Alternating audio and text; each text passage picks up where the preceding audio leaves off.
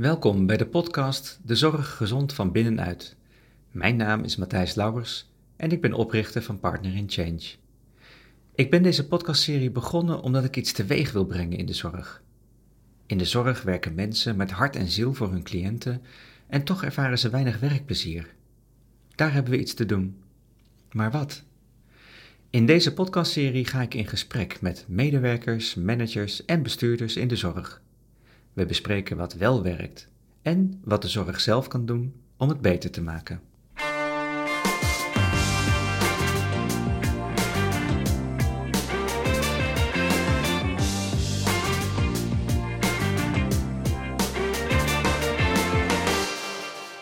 Gerrit, welkom. Welkom in mijn uh, podcast. Dankjewel. Zorg gezond van binnenuit.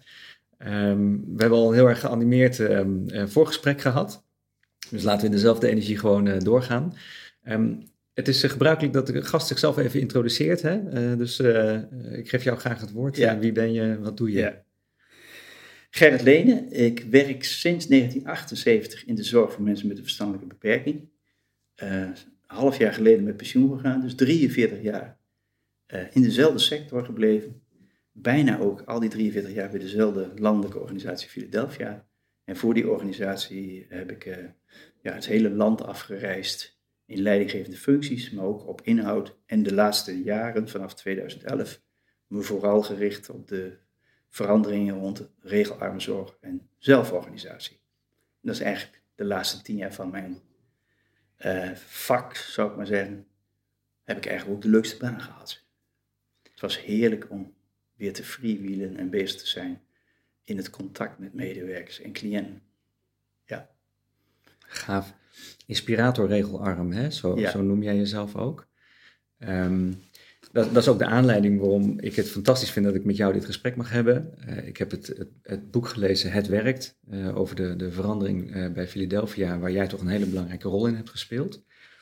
Ehm, volgens mij ben je er ook een beetje de aanjager in geweest. Kun je iets vertellen over die beginperiode? Dat was, dat moet dan in 2011 geweest zijn dat jullie zijn gestart met, Ja. met een project. Ehm, kun je iets vertellen over wat jullie zijn gaan doen en, en met name ook wat de aanleiding was? Er was een, een dubbele aanleiding. Er was een aanleiding bij het ministerie die eh, organisaties uitdaagde om met plannen te komen om de regeldruk in de zorg aan te pakken. En dat was het ERI-project, Experiment Regelarme Zorginstellingen. Daar kon je je voor aanmelden als organisatie en uiteindelijk heeft Philadelphia dat ook gedaan in mijn persoontje. Ehm, de tweede aanleiding was dat ik zelf eh, een ontdekking deed, diezelfde zomer van 2011, door op bezoek te gaan bij een groepje cliënten. En dat, dat maakte weer zoveel indruk op mij, met name de huiselijkheid waarin zij verkeerden, de dingen die ze samen deden. En dat was echt een cliëntengroep die best wel zorg nodig had, maar die heel fijn samenleefde, gewoon met goede ondersteuning van de medewerkers. En toen ik daarna terugreed naar huis, dacht ik, nou ben ik directeur, ik rijd voor het eerst, was dat toen in een leaseauto. Wat beteken ik nou voor hen? Kan ik nou iets terug analyseren wat deze dure baan en dan tussen mij in ook nog zoveel leiding geven en uh, ondersteuning, dit en dat. Terwijl daar een eenvoudig leven van zeven cliënten zich aan mij openbaarde. Ik denk, wat hebben we er een bende omheen georganiseerd? Voor wie eigenlijk? Als ik het hun zou vragen, zouden ze het echt niet begrijpen. Omdat ze zo gewoon leefden. Dus dat was voor mij een soort van eye-opener, nou, noem het maar een soort bekeringsmomentje, dat ik dacht van, nou, hier gaat echt fundamenteel iets fout door de jaren. En ik ben daar zelf ook al jarenlang onderdeel van geweest. Die twee kwamen eigenlijk bij elkaar. Die uitdaging van, zou de zorg anders georganiseerd kunnen worden? En mijn persoonlijke uitdaging die zei, ik wil eigenlijk niet zo ver. Want ik ben heel ver afgedreven van waar het eigenlijk om gaat in de zorg voor mensen met een beperking. Ah, Nou. dat, dat was de, de reflectie. Ja, Ik ben als leidinggevende, als directeur, eigenlijk Ja. heel ver afgedreven van waar Ja. het eigenlijk over gaat. Waar was je dan mee bezig? Waar bestond jouw werk uit? Ja, in de directielaag had je het voortdurend over eh meerjarenplannen. eh het ging heel vaak over geld. Veel te vaak over geld. Budgetten die onvoldoende bijgesteld moesten worden. Bezuinigingsoperaties. Nou, het, het, ja, het grootste deel van ons werk als directeur zat hem eigenlijk aan die buitenkant. Steeds maar weer verantwoorden wat je deed. Waren de zorgplannen op orde? Eh, Het ene, de andere systeem bepaalde ons. En in de managementinformatie ging het daarover. En als je op elke mm, drie maanden hadden we dan met de Raad van Bestuur ons uh, kwartaalgesprek. En uh, prominent in het kwartaalgesprek stond bijna altijd geld. Dat was onze manier van leven en werken ongeveer. En als je daar iets van afweek en eens ruimte zocht, dan moet je wel lef hebben om aan te tonen dat je hetzelfde doel kon halen zonder het voortdurend over geld te halen. Uh, hebben en zo, weet je wel? Dus ja, we zaten eigenlijk met z'n allen gevangen in die systeemwereld van we moeten ons goed verantwoorden, we moeten zorgen dat de inspectie niet langskomt. Dus voorkom crisissen, dus volg volstrekt je protocol, schrijf er nog ietsje meer. Nou, dat, dat was een hele, ja, een haast vanzelfsprekende manier van werken. Ja. Je hield elkaar gevangen.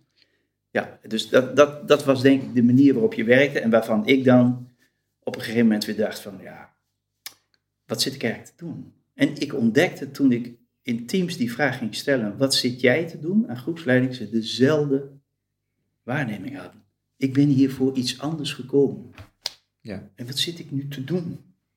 Ja. Dus dat was een heel ontdekkende vraag. Ja. Maar voor mij, ja, had ik echt zoiets van, nee, dit, dit ga ik niet lang meer volhouden. Hey, Gerrit, jullie hadden dit dus in, in 2011 al, hè? die realisatie had jij in 2011. Ja. We hadden het in het voorgesprek ook over, dat het mij ook zo vaak opvalt dat medewerkers in de zorg zeggen, maar hier ben ik de zorg niet voor ingegaan, ik wil zorg verlenen, dat is, dat is waar ik mijn, mijn hart aan heb gegeven. En ik zit meer dan de helft van mijn tijd te besteden aan rapportages en, en uh, vastlegging en administratie enzovoorts. Dus die is heel erg herkenbaar. En tegelijkertijd is dat wordt dat ook opgelegd. Je wordt bijna gedicteerd. Hoe werk je je daar onderuit dan? Waar begin je? Ehm, nou, dat is niet op één dingetje. Dat is denk ik op veel velden tegelijk. Um, wat we toen bevochten hebben is ruimte, denkruimte. We zijn toen begonnen in zeven van de 45 teams die ik had. Dus klein beginnen. Ik had op elke van die zeven teams zeven verschillende managers vanuit mijn managementteam. Dus dan heb je een, vrij brede scope van mensen die meedoen aan een experiment. En we zijn echt gewoon weer heel kalm aan begonnen om die teams eens te bevragen om ja, waar het nou eigenlijk om draait in hun dagelijks werk. Wat van groot belang is. Toen kwamen we terecht bij die presentietheorie van Andries Baart, die het heel erg heeft over je sluit aan bij waar de cliënt is. Dus een heel andere manier van werken. Je moet daar zijn waar de cliënt is. Nou, die wereld van de zorg was heel erg van die cliënt brengen we naar waar wij zijn, hè, om het zo maar eens te zeggen. Vond ik ook altijd typerend. Als je ouders op een gesprek wilde met de ouders, deed je dat in diensttijd.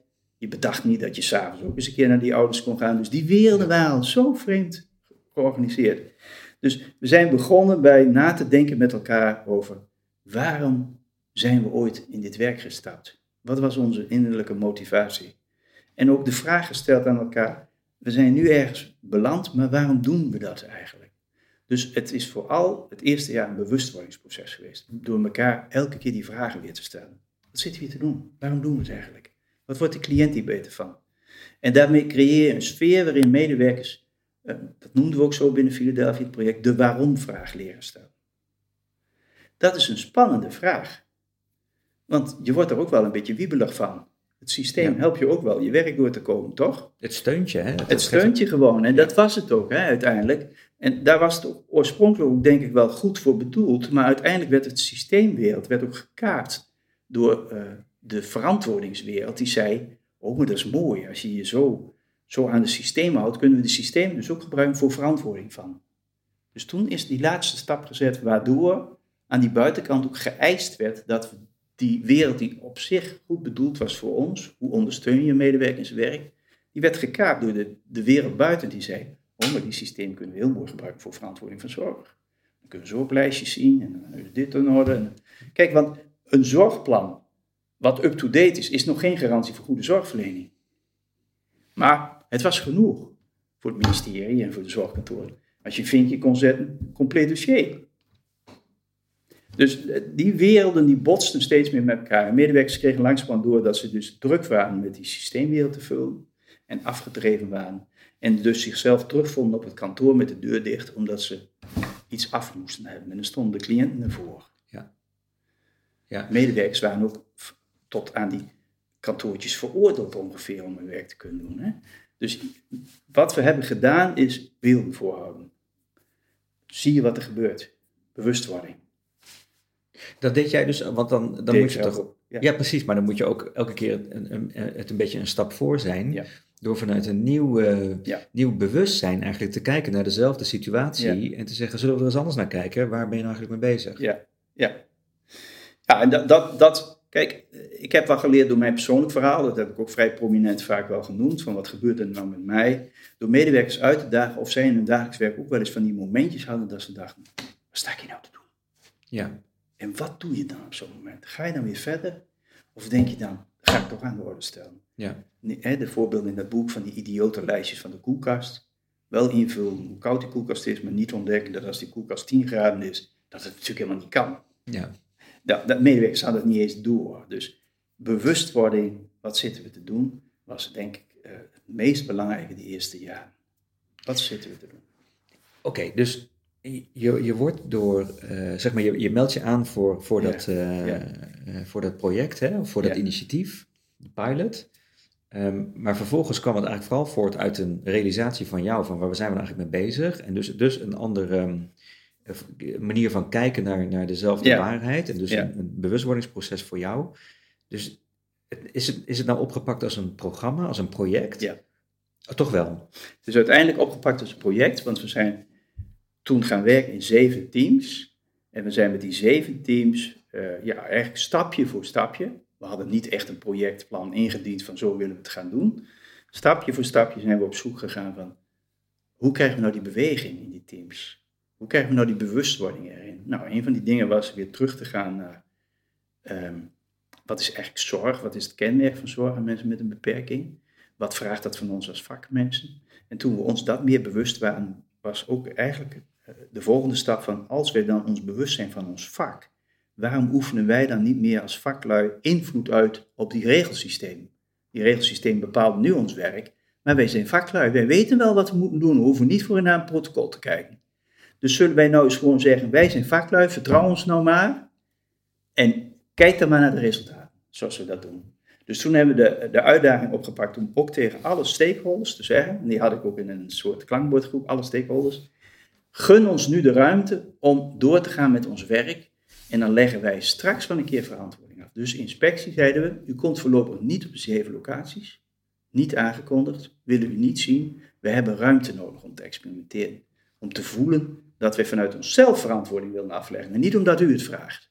Ik wil als professional zelf kunnen zeggen, ik kan, eh, komt u maar langs wanneer u wil, ik leg verantwoording af over mijn werk. Nou, die, die omkering van, wij zijn professionals, wij weten wat we doen, we willen daar graag verantwoording over afleggen, daar heb je tijd voor nodig. Want ik kwam daarna ook wel in andere organisaties en als het woord inspectie viel, dan was het ongeveer al, nou, hartstilstand. Ja. Bij ons op den duur niet meer. We hebben zelfs de inspectie uitgedaagd toen we twee jaar geëxperimenteerd hadden, in 2013. En nu komt u onaangekondigd langs. Dat zijn ze geweest, twee keer. Die verslagen kunnen vrienden bij de inspectie. En ze waren laaiend aan de Ze begrepen het niet. Eh, Wat begrepen ze niet? dat, dat, dat dit toch kon. En toen gebeurde er ook iets bij mij. Toen werd ik ook weer erg boos en verdrietig. Zelfs op een congres heb ik dat een keer gehoord van bestuurders. Die zeiden, ik had niet gedacht dat medewerkers dat konden. Oh, Toen ja. dacht ik, oh, niet te filmen. Dus jullie hebben ook eigenlijk een beeld van je medewerker als een soort van, die kan niet alles en daarom hebben we regels. Maar Gerrit, is dit niet de crux? Is dit niet wat ons allemaal in een gijzeling houdt, in een greep houdt? Tuurlijk. Iedereen, het hele systeem, heeft de overtuiging... we hebben die regels nodig om zorg betrouwbaar, goedkoop en, en veilig te maken... zodat er geen excessen ontstaan, geen budgettekorten. Dus alsjeblieft nog meer regels. En de onderliggende waarde is... want de mensen kunnen dat zelf niet. Nou, We en vertrouwen de mensen daar niet genoeg in. dat laatste is nog een veel groter probleem. Vertrouwen hebben in. Ja, En ehm, ik, ik heb dat als voorbeeld ook wel eens genoemd. Er zitten natuurlijk allemaal jonge medewerkers, maar ook veel jonge moeders. Ik zei, ehm, hoe vaak valt een kind van de trap met als gevolg dat hij dood is? En Oh ja. waar gebeurt dat? Thuis. Als er één keer zoiets gebeurt in een zorginstelling, dan staan we in de krant. Wat een rare reflex. Dus wat ik heel veel gedaan heb, dat ben ik bijna vergeten te vertellen, is in de beginfase medewerkers gevraagd hoe doe je het thuis? Dat was echt een fantastische vraag. En, wij kwamen er gezamenlijk achter dat die medewerker, als die, als hij eh, vanuit zijn thuissituatie, waar, waar hij alles runde, de hypotheek, de kinderopvang, alles doen die moeders allemaal. Hè, dan noem ik maar even de moeders. Alles doen ze. Ja. Komen ze in de zorg, trekken ze een andere jas aan, kunnen ze niks meer. Oh ja. Dan zeg ik, hoe kan dat nou? Jullie zijn echt, kunnen alles. Ja. En dan moet je volgens protocol aan het werken en volgens overdrachtssysteem. En je wordt op allerlei manieren eh, ja, wordt je in de jas gehezen. En die jas is vooral, je kunt niks meer. Dan alleen maar volgt u vooral het protocol. En als er een incident was bij ons, was de eerste vraag, we het protocol gevolgd? Ja. Heb je volgens de regels gehandeld? Heb je ja. volgens de regels gehandeld en niet gevraagd, gewoon een simpele vraag, waarom heb je gedaan wat je hebt gedaan? Ja. Want dat is een inzichtgevende vraag, niet of je het protocol gevolgd hebt. Nou, maar dat was ook een hele leuke vraag die ik veel gebruikte. Hoe zou je het thuis doen? Ja. En dat zie je in het boek ook. En er werd de vraag gesteld van, de stofzuiger is kapot. Als je thuis de stofzuiger kapot hebt, koop je gauw een nieuwe. Maar dan, dan het systeem in de zorg. Voordat je die nieuwe stofzuiger hebt. Dus dat hadden ze ook wel door. Dus ik zeg, gewoon belachelijk eigenlijk. Waarom hebben wij niet de regie over, ja, we hebben nu een stofzuiger kapot. Beste manager, kunnen we niet een potje krijgen met dat soort dingen en dan kopen we zelf een stofzuiger wel. Nee, inkooporganisatie, bla bla bla. Ja. Twee weken verder nog geen stofzuiger. Maar ook weer, hè, dus dit zit in het hele systeem. Dus eh, we hadden het voorgesprek ook over Ja. van ja, als je heel veel regeltjes en, en Ja. protocollen en procedures hebt, eh, aan de ene kant kun je er makkelijk achter verschuilen. Aan de andere kant ja, dwingt het je ook bijna om niet te veel meer na te denken. Want ja. daar zijn al die regels dan maar voor. Dus dan ga je die maar volgen. Eh, met als gevolg dat je hele autonomie eigenlijk geminimaliseerd wordt. En, en je wordt een slaaf van die protocollen. En tegelijkertijd, als je dat wil veranderen, nou goed, je was directeur, dus misschien had je wat invloed. Ja. Maar je moet, je- waar begin je? Je moet, je moet namelijk alles, zeg maar, dat, die, die bewustwording van jou, moet je dus overal Ja. ehm, eh, zien mee te veranderen. Ja. En dat was ook een zoektocht in, ehm, dat was ook wel een ontdekking. We, we organiseerden eh, medewerkersdagen rond regel aan. Er mochten teams, hè, na het experiment, hebben we het helemaal breed uitgebracht in de hele organisatie. Dan mochten teams zich aanmelden voor regelarmen. Overal vandaan. Dan organiseerden we regelarme dagen. Maar wat we al heel snel deden, is dat we bij de volgende regelarme dag in de regio de teams die al begonnen waren, het verhaal lieten vertellen aan de volgende teams. Dus we maakten van die hele beweging één groot verhaal van, wij zijn al begonnen, we hebben dit ontdekt, we lopen daar nog tegenaan. En zo bleef men elkaar ook inspireren. En we hadden het ook hele leuke sessies met elkaar, omdat die energie van medewerkers gebruikt wordt voor de verandering van medewerkers. Ja, Ik weet niet of je dat beroemde filmpje nog wel eens kent van die paarden die daar toen op dat eiland daar in de Noordzee stonden. ja, ja. ja. En waarin iedereen zich druk maakt om die peer eraf te krijgen, totdat twee dames op een paard zijn. Weet je, paarden gaan pas in beweging komen door paarden. En niet door mensen. Dus wij ontdekten dat medewerkers onderling elkaars beste veranderaars zijn. Niet de blauwe pakken die allerlei plannetjes uitdenken. Zij zelf weten wel wat ze willen. En zeker als ze het aan het ontdekken zijn.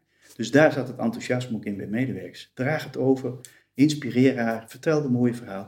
Dus we zijn toen ook aan de PR-kant de verhalen gaan uitvinden. Mooie verhalen, podcast, van alles en nog wat hebben we geprobeerd. Inspireer die mensen, maar ook graag rond in die inspiratiedagen rond regel aan. Dus elk team dat zich aangemeld had, werd daarna begeleid door begeleiders regel aan. Wat waren dat? Voornamelijk groepsleiders zelf. Die hadden een opleiding gehad voor, ja, hoe zou je dat het beste kunnen doen? Maar vooral zij gingen terug in die teams. Dus niet van buiten een blikje veranderaars. De verandering is dus enorm van binnenuit vormgegeven. Door gebruik te maken van eigen kracht. Ik zei wel eens tegen de organisatie, eh, je wil niet weten hoeveel in de kelder van organisaties ligt aan kwaliteiten van medewerkers. Bij jullie kijken nooit in de kelder. Dus trek die kelder nou eens open voordat je weer een duur bureau met allemaal blauwe pakken en een heel duur plan eh, lanceert. Want dan heb je al een, een gat tussen de medewerkers en, en dat bureau wat met zijn goede ideeën van alles wil veranderen. Zorg nou dat je die medewerkers zelf aan het stuur van de verandering zet. Ja. En dat bleek de beste zet van alles. Ja. Het enthousiasme wat men overdroeg aan elkaar.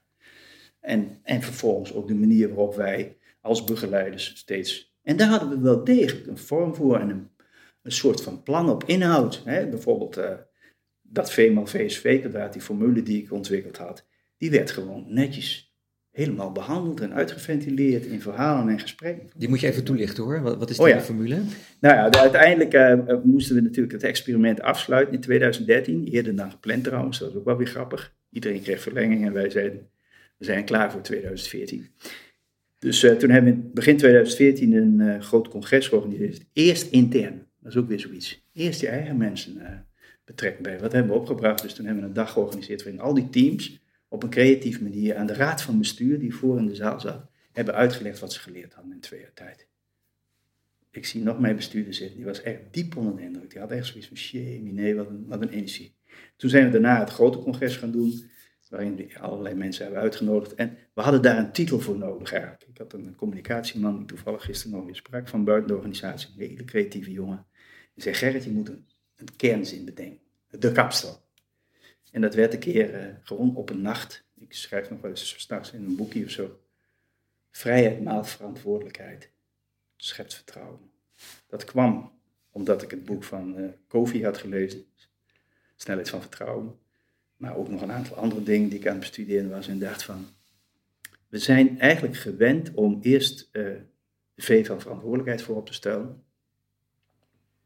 En daarna te kijken naar welke vrijheid je nog hebt.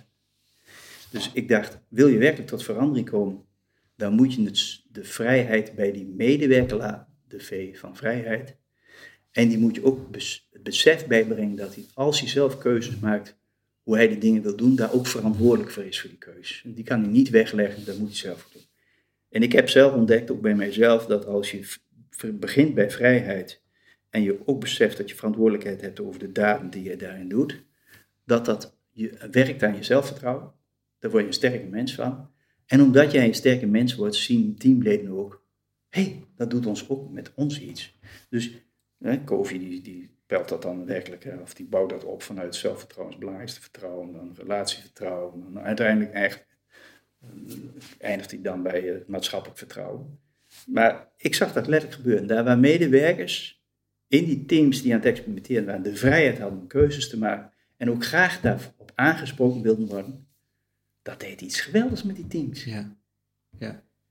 We hebben, uh, we hebben twee keer in het experiment medewerkerstevredenheidsonderzoek gedaan. En binnen mijn regio waren we eigenlijk al wel gewend landelijk de hoogste scores te hebben op medewerkertevredenheid. Daarvoor al, voor het experiment. Dus dat zei ook wel iets over de manier waarop we werkten. Die hebben we daarna weer gedaan. En van de zeven teams die meededen, scoorden er zes een tien. Ik zat met de eindscore van, uh, van, van, uh, uh, van die medewerkerstevredenheid, een landelijke normering, bij de hoogste drie organisaties in Nederland. Dat deed dus iets met medewerkers. Dat ze de vrijheid hadden en de verantwoordelijkheid om zelf hun verantwoordelijkheid te dragen, om zelf in de slag te dat, Dan heb je het over jouw thema. Daar waren gelukkige mensen aan het werk. Ja, werkgeluk, precies. En de grap was, daar waar medewerkers heel gelukkig waren, zag je ook dat de tevredenheid onder de cliënt veel hoger was. Medewerkerstevredenheid hoog, dan moet de cliënttevredenheid ook hoog zijn. Ja. Of andersom als hier sprake is van een hoge cliënttevredenheid, zit er ook iets aan die andere kant. Ja, klopt. Hoge medewerkerstevredenheid. En, en uh, want, want die, uh, zeg maar, dat verband uh, voel ik ja. ook heel sterk. Hè? Ja. Als, je, als je een blije medewerker bent, dan, ja. dan geef je ook zorg op een blije manier. En, dan wordt een, een, en, en, trouwens, de kwaliteit gaat ook omhoog en daar wordt de cliënt blijer van. Hoe zat het met, kun je iets zeggen of een verband leggen tussen het hele stuk van regelarm en vrijheid en verantwoordelijkheid aan de ene kant en aan de andere kant het, de verandering in verloop, ziekteverzuim, zeg maar dat soort zaken? Ja, het verloop was uh, in onze regio echt gemiddeld lager dan landelijk. Het ziekteverzuim toen al 3, 4 procent. Fors lager. Ja. Hetzelfde verhaal. Ja. Je zag het gewoon en wil je nog iets weten over geld? We hielden geld altijd, over. nee, dat was de verrassing ook. Ook, ook wel voor een raad van bestuur. Die zei van, Oh, maar als je zoveel vrijheid, dan gaat het om dat vertrouwen. Maar als je zoveel vrijheid geeft aan medewerkers om zelf allerlei keuzes te maken, loop je dan niet het risico dat je aan je budgetgrens. Nee, dus. Nee. Waarom? Omdat die medewerker wel heel erg goed weet dat hij verantwoordelijk is, namelijk. Ja. Dus die doet niet zulke gekke dingen als dat jij verwacht. Dus je zag budgetair gezien, deden we het ook fantastisch gewoon in die regio. Geen enkele locatie draaide negatief bij mij. En was dat meteen al in het begin of zag je wel eerst een dipje? Ja, dan zag je een dipje. Je Precies. zag best wel stapsgewijs, daarom zeg ik die twee, die, die, die twee metingen die we gedaan hebben, daar zag wel verschil tussen. En dat was ook wel verklaarbaar, maar je zag gewoon die beweging gemaakt worden. En je ja. zag de tevredenheid toenemen met werkplezier, uh, dus lagere uh, ziektecijfers. En, en budgetair, een prima draaiende club. Ja. Die geld overhield. Dus het was ook wel grappig om te zien dat al die dingen, die, die, dat is onderling samenhang met elkaar. En dat begint dus uiteindelijk bij, ben ik vast van overtuigd van die medewerker, die de vrijheid krijgt om keuzes te maken. Je moet hem daarbij helpen, daar is een zorgorganisatie ook voor, ook een bureau. Die moet ook dingen aanbieden, die moet, je moet keuzes kunnen maken, want je kunt niet alles zelf ontdekken, zal ik maar zeggen. Maar geef alsjeblieft die keuze bij die medewerker. Die weet echt wel, ook ons eigen opleidingsprogramma wel, wat het belangrijkste voor hem is om opgeleid te worden. Ja. En die heeft geen behoefte aan een standaard opleidingsprogramma waar je langs moet. Leven maar maatwerk. Daar word ik rijker van. Dus dat, dat zag je dan gewoon ook letterlijk gebeuren bij ons. Medewerkers gingen zelf op zoek en die gedragen zich echt wel verantwoordelijk. Hey, en, en eh, dit klinkt als een succesverhaal. Ja. Wat waren nou onderweg de, de tegenslagen? Of wat waren de beren op de weg? Wat heb je moeten overwinnen? Uh, de, de, nou, dat, dat had toch veel te maken met de verantwoordingskant. Vertrouwde men ons wel als wij dit gingen doen? Dus er zijn wel een paar keer eh, echte periodes geweest dat er gezegd werd van hoe gaat het wel goed? Uh, waar komen we uit met dit project? En, uh, en ook wel van als, als Greet zei altijd tegen mij, ja het zijn maar zeven locaties maar dan moet je het vooral bij die zeven houden hè. Want anders weet ik niet wat er met de rest van de organisatie gaat gebeuren. En dat, dat klopt ook wel. Het is ook best wel spannend. Dus er zat ja, toch wel wantrouwen in de buitenlaag. Ook wel bij ouders die zeiden van ja, ja maar zonder regeltjes kun je niet leven op de groep. Dan wordt het een chaos, weet je. Mm-hmm. Dus er waren toch wel geregeld onderweg, uh, toch wel, wel van die kritische punten dat je ook de moeder zelf in moest houden. Dat er ook wel eens wat misging. Dat je dacht van ja, dat is ook eigenlijk wel een blunder, hadden we beter niet kunnen doen.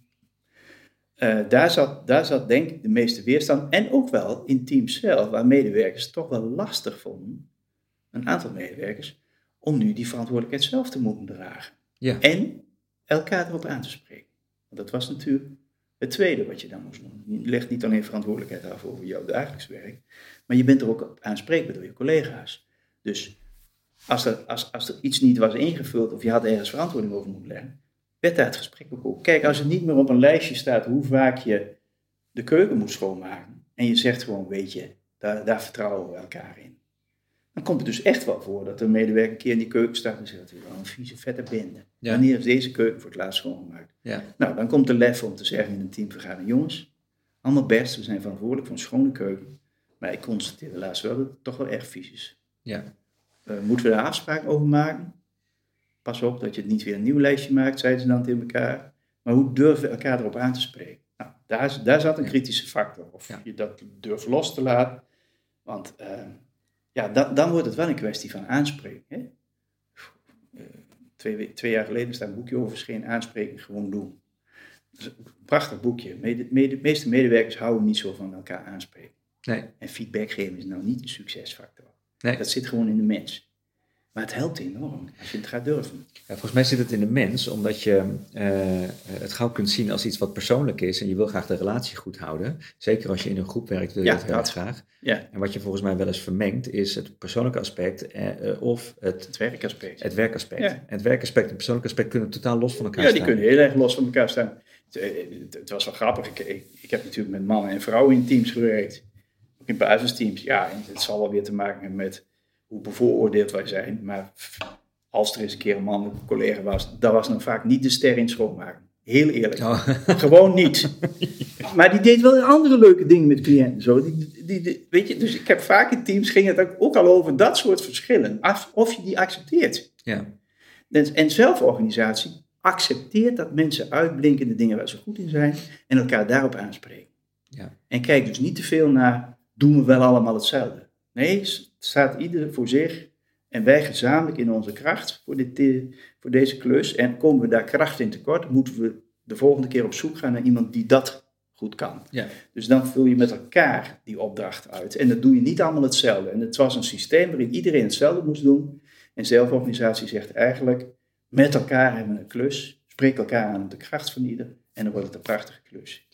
Nou, had je het er net over, hè, Gerrit. Um, uh, wat wat uh, af en toe tegenwerkte, dat was ja, eigenlijk de omgeving, het vertrouwen van de omgeving. Ja, Um, uh, en, en daar kan ik me alles bij voorstellen, want ja, in het systeem veranderen moet dat systeem een keer meegaan. Hè? Dat momentum heb je in het begin nog niet. Hoe hou je dat dan vol? Is dat echt een kwestie van ook af en toe even op de tanden bijten en maar doorgaan Ja. en maar weer opnieuw het gesprek aangaan en Ja. nog een keertje overtuigen? Ja? Ik had een kerngroep rond regelavond, er waren vijf mensen. En wij zeiden altijd tegen elkaar, aan deze tafel mag je de teleurstelling uitspreken. Ja. Mag je vloeken en schelden en denken, jeetje, Mina zeg, heeft dat hoofdkantoor toch weer wat bedacht? ja. denk je van, hoe kunnen ze het weer bedenken?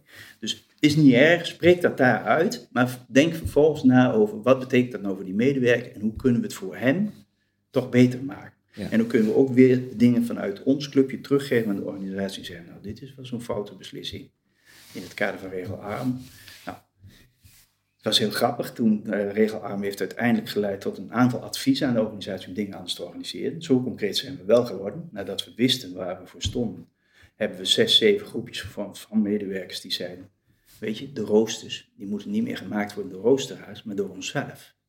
Op het moment dat wij dat advies gaven aan de organisatie, had men bijna een roosterbureau georganiseerd voor de hele organisatie. Toen dacht men even na.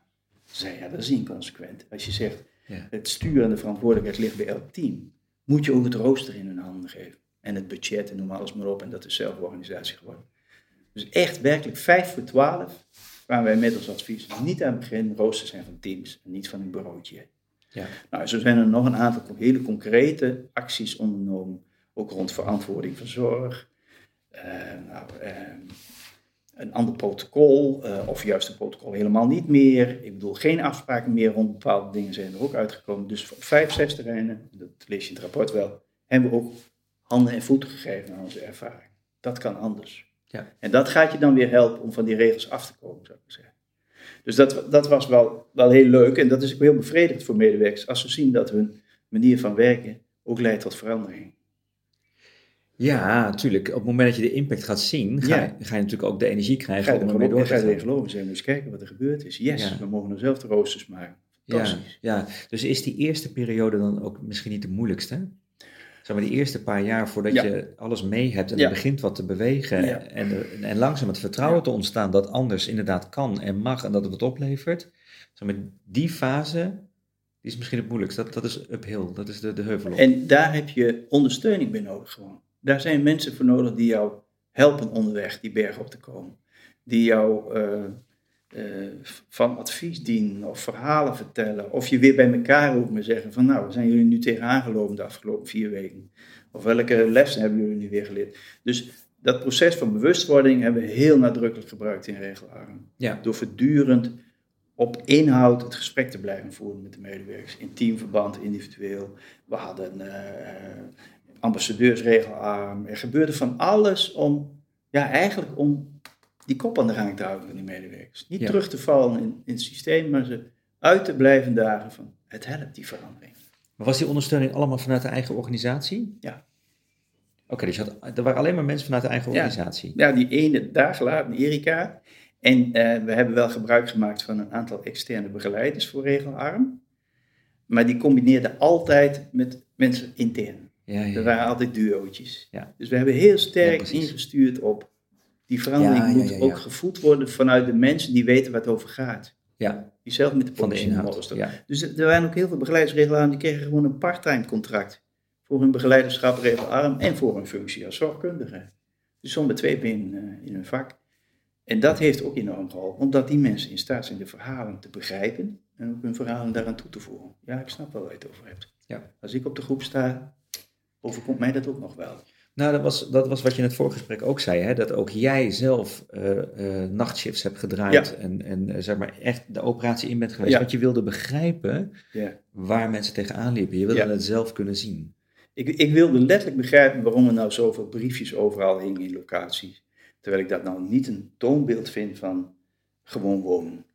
Ik bedoel, ik heb ook niet overal briefjes hangen in mijn huis wat we moeten doen. Maar je kwam dat ontzettend veel tegen. Allerlei richtingwijzers, om het zo maar te zeggen. Ja, En ik was wel benieuwd, waar komt het dan vandaan? En ik, dat is wel een mooi voorbeeld. Ik heb een keer, eh, als, als ik ergens kwam werken, dan vroeg ik altijd aan de medewerkers, geef maar aan wat ik mag doen. Want ik ben maar zo, ik kom hier maar zo binnen. Dus eh dan werd er wel eens gezegd, nou misschien wil je wel een bewoner douchen. Echt, ook handwerk heb ik gedaan. En dan zei ik, zal ik die bewoner vragen of die door mij gedoucht wil worden? ja. Dat is ook alweer zo'n slag hè, die je dan moet maken. Jij kunt wel een bewoner douchen. Mag ik hem even vragen of Ja, hij gedoucht wil worden? Ja. Dus nou, en dan was, was ook een keer een, nou, toch wel een sterk autistische jongen. En die komt die douche binnen en een hele waslijst van boven naar beneden. Waar ik moest beginnen met het douchen van hem. Nou, dan snap je natuurlijk wel niet eerst je billen, maar eerst je hoofd. Het stond letterlijk op papier uitgetekend. Dus daar schrok ik van. Ik denk, wat is dit voor gekkigheid? Die Ja. jongen die wordt al zo vaak gedoucht in zijn leven. Zou die nou werkelijk niet begrijpen hoe hij zichzelf moet douchen? Waarom moet er zo'n controlelijstje staan? Ja. Dus ik deed dan heel ondeugende dingen. Ik keek niet op lijstjes. Ik dacht, ik ben benieuwd wat er nu gebeurt. Ja. Perfect. Gaat helemaal goed natuurlijk. Ja. Wil je dan het lijstje alsjeblieft weghalen? ja, want je, je bedoelt, ik heb gezond verstand, dus dan kan ik dat soort basale dingen, kan ik heus wel zelf Ja, maar bedenken. zelfs die cliënt, zal ik iets heel onherbiedigs zeggen? Cliënten zijn het beste ingereden op het systeem. Ja. Die zijn zo begeleid door die ANE, die hoef je echt geen briefje meer neer te hangen hoe het moet. Die briefjes hangen er neer om medewerkers te stroomlijnen. Maar als jij aan een cliënt meer leert vragen hoe wil je het hebben. Ik heb ook wel eens op groepen gewerkt, op ingewikkelde cliënten. En dan zei ik ook tegen de leiding, ik wil alleen weten wanneer ik de medicijn moet geven aan wie. En voor de rest gaan jullie vooral weg. Ik ben benieuwd of de cliënten mij vertellen hoe ik deze dienst doorkom. ja. Nou, dat gaat prima. Dat is grappig, hè? De, de regels houden dus niet alleen de medewerkers een beetje dom, maar, Cliënt vooral, maar ook. vooral ook die cliënt. Nog een heel mooi voorbeeld, Ja. dat kan ik toch ook niet kwijt. En dan zie je hoe teams dan met elkaar ook aan het denken zijn. Op een gegeven moment sprak ik ook met een medewerker en die zei van ja, we zitten zo vast in onze systeemwereld. We weten soms niet meer dat we zoveel invloed hebben op de cliënt, dat, dat zijn we ons niet bewust. Dus eh, op die groep was men gewend om elke 14 dagen een eetrooster te maken. En dan kon je daarop zetten, witlof op dinsdag, boerenkool op woensdag, weet je wel. En op dat eetrooster kon je dan ook weer je inkomen doen. Dat is toch heel handig, nietwaar? Dus dat doe je wekenlang allemaal hetzelfde. Om de 14 dagen eet je ongeveer allemaal hetzelfde bij elke woensdag. Ja. En toen was er een medewerker en, eh, en die, die hoorde twee cliënten, ze zat op de wc, zo was het. En toen hoorden ze twee cliënten praten over het eten van die dag. En die ene cliënt zei tegen die ander, ik vind het niet zo lekker hoor, worteltjes met een gehaktbal. Bij worteltjes horen toch vis? En zij zat op die wc en dacht, wij vragen nooit aan de cliënt Wat ze van het eten vinden. wat ze van het eten vinden. Dus toen ging ze terug naar de groep en onder de koffie dacht ze van, ik wil kijken of de cliënt dat nu zelf kunnen zeggen. En nou komt het belangrijkste. Dus eh, ze probeerde heel tactisch van, eh, ja, hoorde ik jullie niet op de gang praten? Nou, die twee cliënten keken elkaar eens aan. Schaamte, nee, nee, nee. nee. Ja, ik, ik denk het toch dat, dat jullie het waren, ging het niet over het eten. Dus echt werkelijk trekken, trekken, trekken, ja. tot uiteindelijk die cliënten zeiden, ja, ik vind niet dat bij worteltjes en gehaktbal hoort, maar vis hoort daarbij. En toen dachten ze, hebben wij zo machtig veel invloed op cliënten, dat ze niet eens meer durven te zeggen wat ze willen. Ja, en erg nog, je hebt niet door dat je zoveel macht hebt. Nee, en dat was dat wc-momentje voor haar, dat ze dacht. Het wc-momentje. Ja. En, nou, en- dan kom je ook tot de ontdekking dat wij dus vanuit ons werksysteem ook cliënten persen in onze mal. En heel Ja. veel cliënten weten prima wat ze kunnen verwachten van een medewerker in de dienst van die medewerker. En ze kennen heel goed onderscheid tussen Jantje en Pietje. Ja. Dus ook Ja. dat is een systeemwereld. Ja. Dus we hebben ook nog iets te doen, en dat zijn ze binnen Philadelphia ook aan het doen, rond zeggenschap. Waar hebben eigen cliënten het? Het gaat over hun eigen leven. Hoeveel hebben wij van die, dat eigen leven van cliënten wel niet ingeperkt, omdat het ons systeem is dat het beter zo werkt? Ja, nou, dat is misschien wel een mooi bruggetje, Gerrit. Want ehm, we hebben dus gehad over, die, over het, het regelarm maken. En dat het niet zozeer gaat over, nou, laten we dan zoveel mogelijk regeltjes weghalen. Hè, of regels schrappen, waar we het ook even over hebben gehad. Ehm, dit gaat veel meer over naar de kern gaan van de zorg. En, je, en er eigenlijk achter komen hoe onbewust veel je jezelf afhankelijk hebt gemaakt van regeltjes. En dus niet meer zo erg nadenkt en ook niet verantwoording neemt. Eh, hè, en dus nou, hè, vrijheid, nou, Ja. verantwoordelijkheidsvertrouwen. Daar hebben jullie in die jaren na 2011 heel erg hard aan gewerkt. Ehm, eh, en wat zijn de laatste ontwikkelingen? Waar sta je dan nu met Philadelphia? Nou, het onmiddellijke gevolg op regelarm was, als je die teams weer bewust maakt van hun eigen kracht, dan moet je de organisatie daar ook toe veranderen.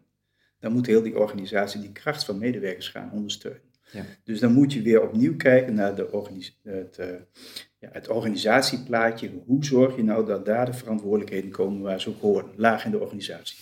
Dus dat, dat werd het, uh, het hele proces van zelforganisatie.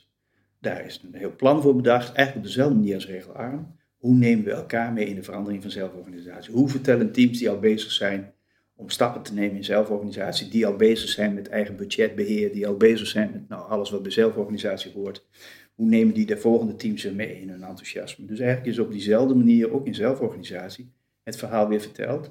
Met dienstverstanden dat we ook tegelijkertijd gewerkt hebben aan een leiderschapsprogramma, omdat wij vinden dat in zelforganisatie het essentieel van belang is dat die leidinggevende snapt dat het om gaat.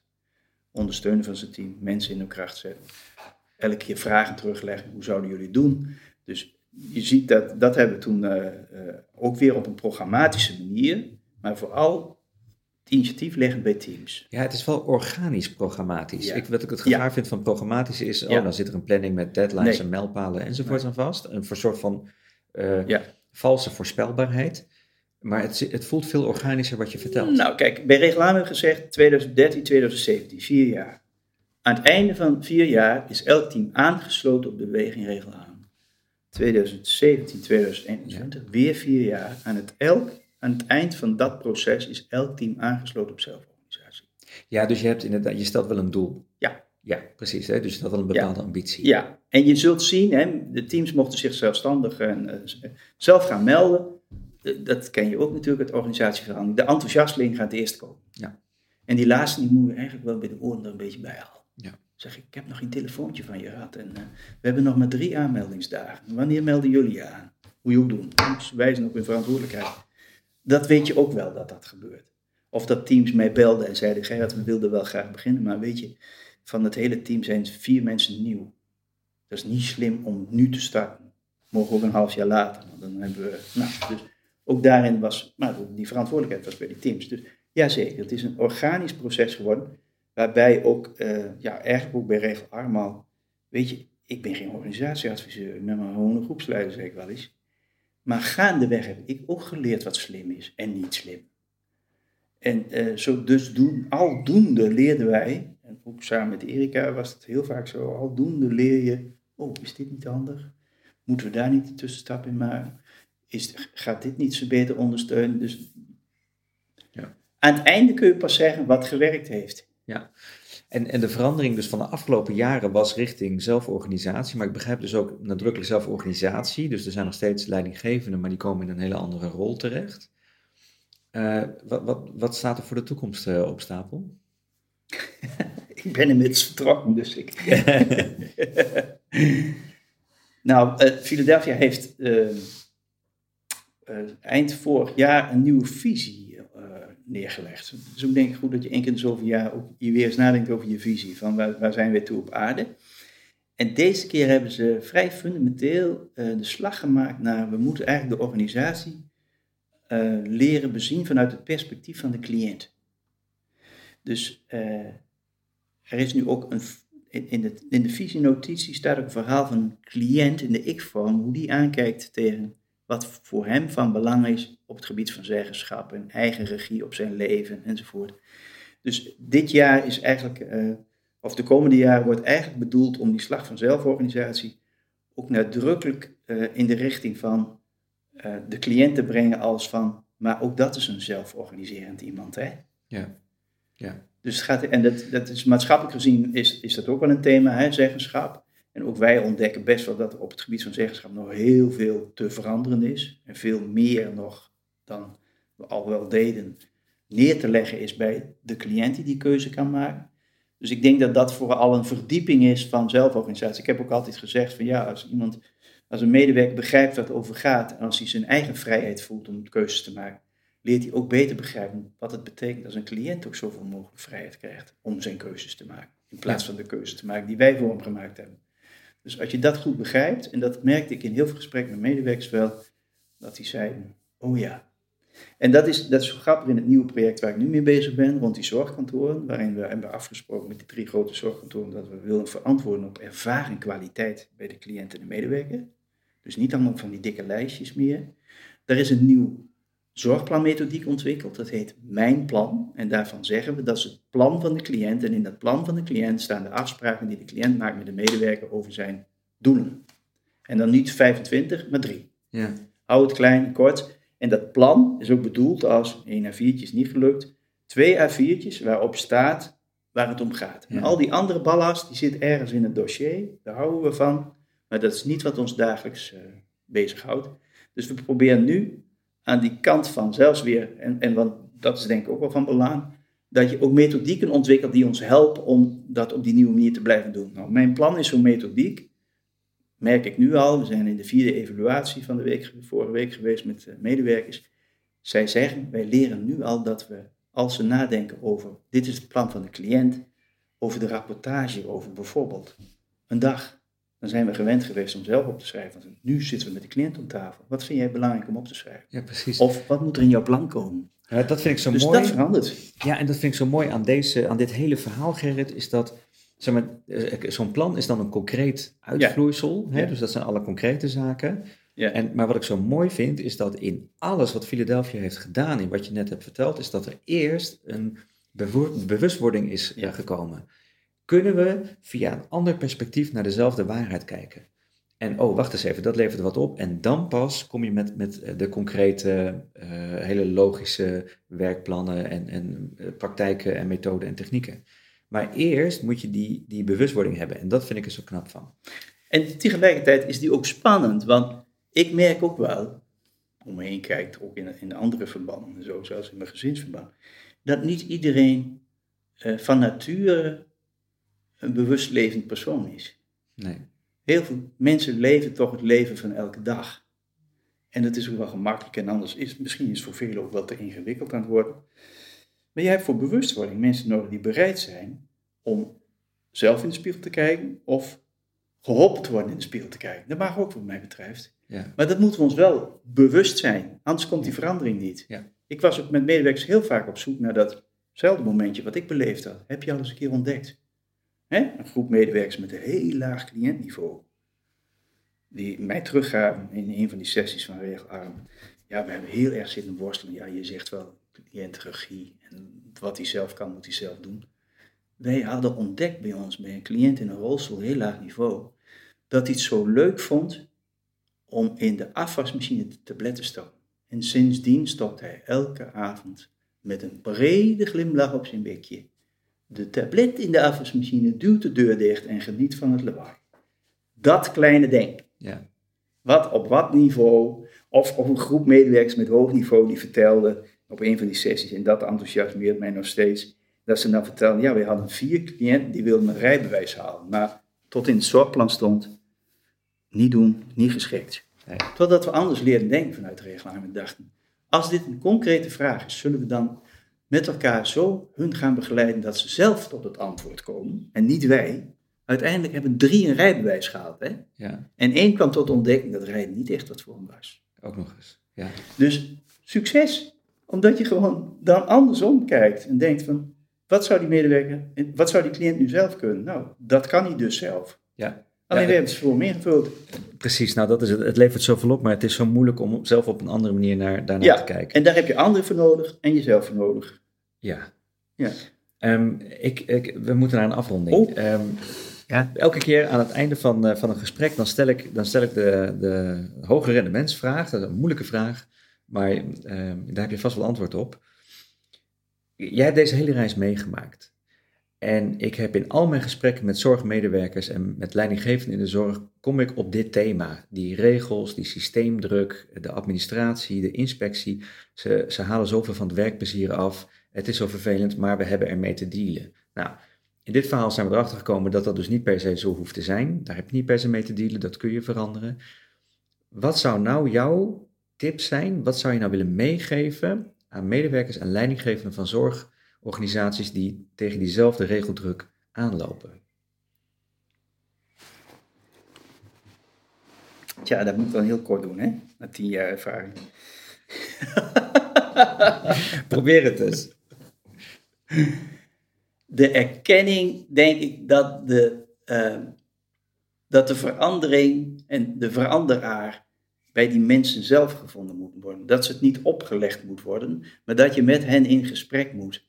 Zij zijn zich bewust van die wereld van regels. Maar willen ze tot die verandering overgaan, dan moeten ze zich ook bewust worden welke verantwoordelijkheid ze daar zelf in kunnen hebben. Hoe ze die verantwoording willen afleggen. Welke ruimte ze pakken om dat te doen. Dus volgens mij moet je in ieder geval helemaal beneden aan beginnen. Om in die organisatie de mensen wakker te roepen en wakker te schudden op. Kijk, het is zo makkelijk als die medewerker blijft roepen, het ligt aan Den Haag. Dat, dat was ook vaak bij ons het antwoord. Hè? Als, als, zelfs als je als, manager wel eens vroeg aan je directeur, kan dat niet anders? Dan zeiden ze, ja, dat hebben ze in Amersfoort besloten. En als ik dan vroeg, waarom hebben ze dat in Amersfoort besloten? Dan hield het op. En toen zei ik, ik wil weten waarom ze dat in Amersfoort besloten hebben. Ja, Amersfoort is het hoofdkantoor, was hoofdkantoor. hoofdkantoor van de Philadelphia. Heb ik toch recht op. Dus weet je, het werd een soort excuus. En veel medewerkers hebben dat ook wel eens als ze zeggen, ja, het moet van ons hoofd. Maar probeer dan nog eens voor te komen. Wat moet er dan van jou? En wat heb jij nodig om dat wat van jou moet, samen met je collega's, om op die tafel te leggen en te zeggen, maar het kan ook anders. Ja. Dus volgens mij is in die verandering essentieel dat jij beseft dat de grootste verandering uh, zal plaatsvinden als je degene die veranderen moet erbij betrekt. Ja. Dat is volgens mij wat ik het meest geleerd heb. Ja. Ja, ik hoor je zeggen het niet opleggen of het niet het gevoel geven dat opgelegd wordt, maar juist het gesprek aangaan en die co-creatie waar het net ook over had. Dit heb je samen te doen. Ik, ik heb het wel eens vergeleken met, ik bedoel, ik heb kinderen opgevoed en die puberteit is de meest spannende tijd waarin je als ouder moet leren, nou ik heb ze een heleboel meegegeven, maar nu moeten ze zelf die grenzen gaan ontdekken en zelf hun keuzes maken. Ja. Nou, zo'n spannende tijd is dat ook vaak als je in een organisatieverandering zit. Durf je die ruimte nu te geven? Ja. Durf je te accepteren dat het ook wel mis kan gaan? Of wil je dat dan weer dichtgeregeld hebben? En dat is een tweede wat ik vind dat veel organisaties echt fundamenteel verkeerd doen, is van één incident de waarheid maken. Ja. Niet te geloven. Duizend keer gaat het goed, één keer fout en dan maken we een protocol. In plaats van te beseffen dat het dus 909 keer goed is gegaan. Applaus. dat de basis klopt. Ja, ja dus dat zit, daar zit diezelfde prikkel in. Dus je moet ook, dat is een tweede advies, heel motiverend steeds complimentjes uitdelen. Mensen uh, daarin faciliteren. Geef ze eens wat. Doe het eens leuk gewoon. Beloon ze eens voor een activiteit. Ja, en dat, dat geeft toch ook vertrouwen? Dat geeft ook veel vertrouwen. Maar daar moet je ook wel oog voor hebben. Dat die medewerker daar ook echt wel recht op heeft. En dat je, ondanks alle bezuinigingen die er zijn, vooral geen medewerkersdag moet overslaan. Ja. Niet doen. Uitgaan. Ja. Ook al heb je een tekort. Ja, precies. Dat, dat heb je nodig. Dat motiveert mensen. Dan zien ze ook dat ze gezien worden. Hè? En dat helpt in de verandering. We worden gezien. We worden serieus genomen. Nou, ik denk dat dat ook een heel belangrijk advies is. Begin daar alsjeblieft. Fantastisch. Gerrit, ik wil je ongelooflijk bedanken. Het was een heel geanimeerd gesprek. Ik heb ervan genoten. Ik hoop jij ook. Ehm, ja, en uh, ik zou zeggen, je, je, zegt ik ben weg, maar uh, je bent nog een beetje verbonden bij uh, Philadelphia. Dus um, in, in dat nieuwe stuk ook ontzettend veel succes. Dankjewel. Mooi. Het was een mooi gesprek.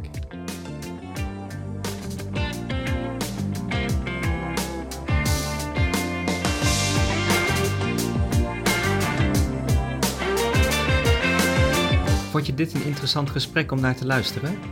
Abonneer je dan op deze podcast via iTunes, Spotify of je favoriete podcast app.